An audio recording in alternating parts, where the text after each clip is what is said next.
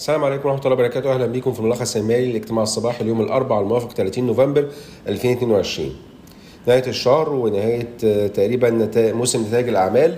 النهارده في بعض نتائج الأعمال تم الإعلان عنها آه، آه، في اليومين اللي فاتوا.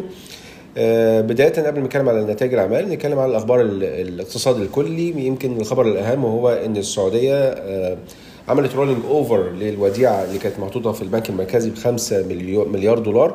rolling over يعني هي بتجدد الوديعة لفترة آه، قادمة لفترة سنة إن شاء الله. وده طبعا كدعم من آه، المملكة العربية السعودية لمصر آه، في ظل طبعا النتائج السلبية من الحرب الروسية على أوكرانيا.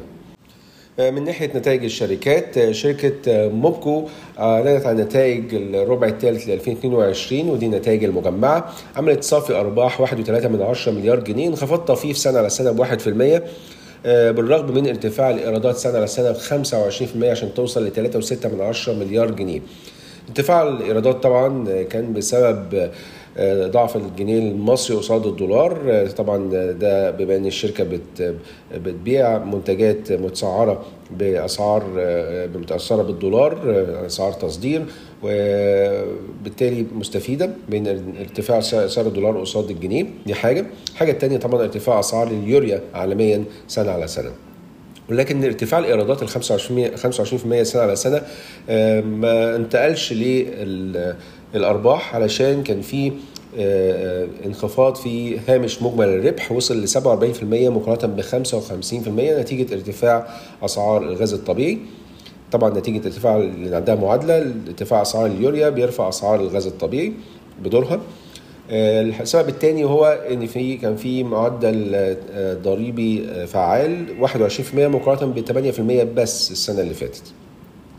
لو بنتكلم على نتائج اعمال التسع شهور الأرباح ارتفعت سنة على سنة 44% وصلت ل 5 مليار جنيه مع ارتفاع الإيرادات ب 74% وصلت ل 12.3 مليار جنيه.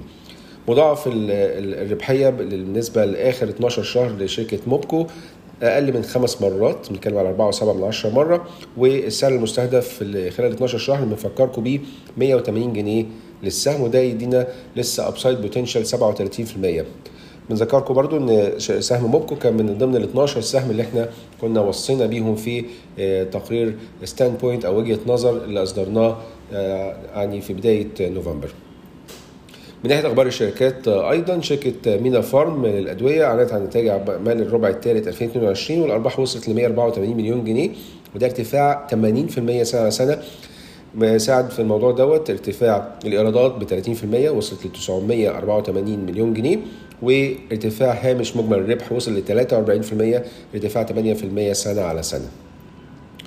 آه، ده بالنسبة لنتائج أعمال الشركات. بالنسبة للتوقعات ل 2023 كان شركة سيدي كرير أعلنت آه، من خلال مجلس إدارة ليها وافقت على الخطة الاستثمارية ل 2023 وحطت استثمارات أو رصد استثمارات بحوالي 1.6 من 10 مليار جنيه في 2023 هيتم توزيعها كالتالي 555 مليون جنيه لمشاريع جديدة 254 مليون جنيه للصيانة وحوالي 30 مليون يورو أو ما يعادل تقريبا 780 مليون جنيه علشان تمويل آه، عدد من زيادات رؤوس الأموال آه، في الشركات التابعة لسيدي كرير.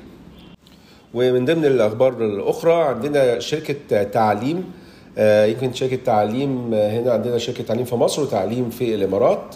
آه، شركة التعليم المصرية اللي هي تعليم لخدمات الإدارة ودي أحد الشركات برضو اللي إحنا أو الأسهم اللي وصينا بيها في التقرير الاستراتيجي بتاعنا من 12 سنة. آه، في خبر إن هي هتستحوذ على 32% من آه، جامعة تحت الإنشاء في القاهرة الجديدة من خلال زياده رأس المال ب 32 مليون جنيه وممكن تزود استثمارها في ال- في الآخر من 32% ل 51% آه، آه، بعد سنة من قبول الطلاب. ومن الأخبار الأخرى شركة تعليم بقى الإماراتية المجموعة الماليه هيرميس قدمت خدمات استشارية في صورة investment banking services يعني للطرح الأخير لشركة تعليم في الإمارات واللي كان حجم الطرح 204 مليون دولار تقريبا. ده طبعا حاجة إيجابية بالنسبة لقطاع البنوك الاستثمار في المجموعة الماليه هيرميس دي كانت أهم أخبار النهارده. شكرا لكم والسلام عليكم ورحمة الله وبركاته.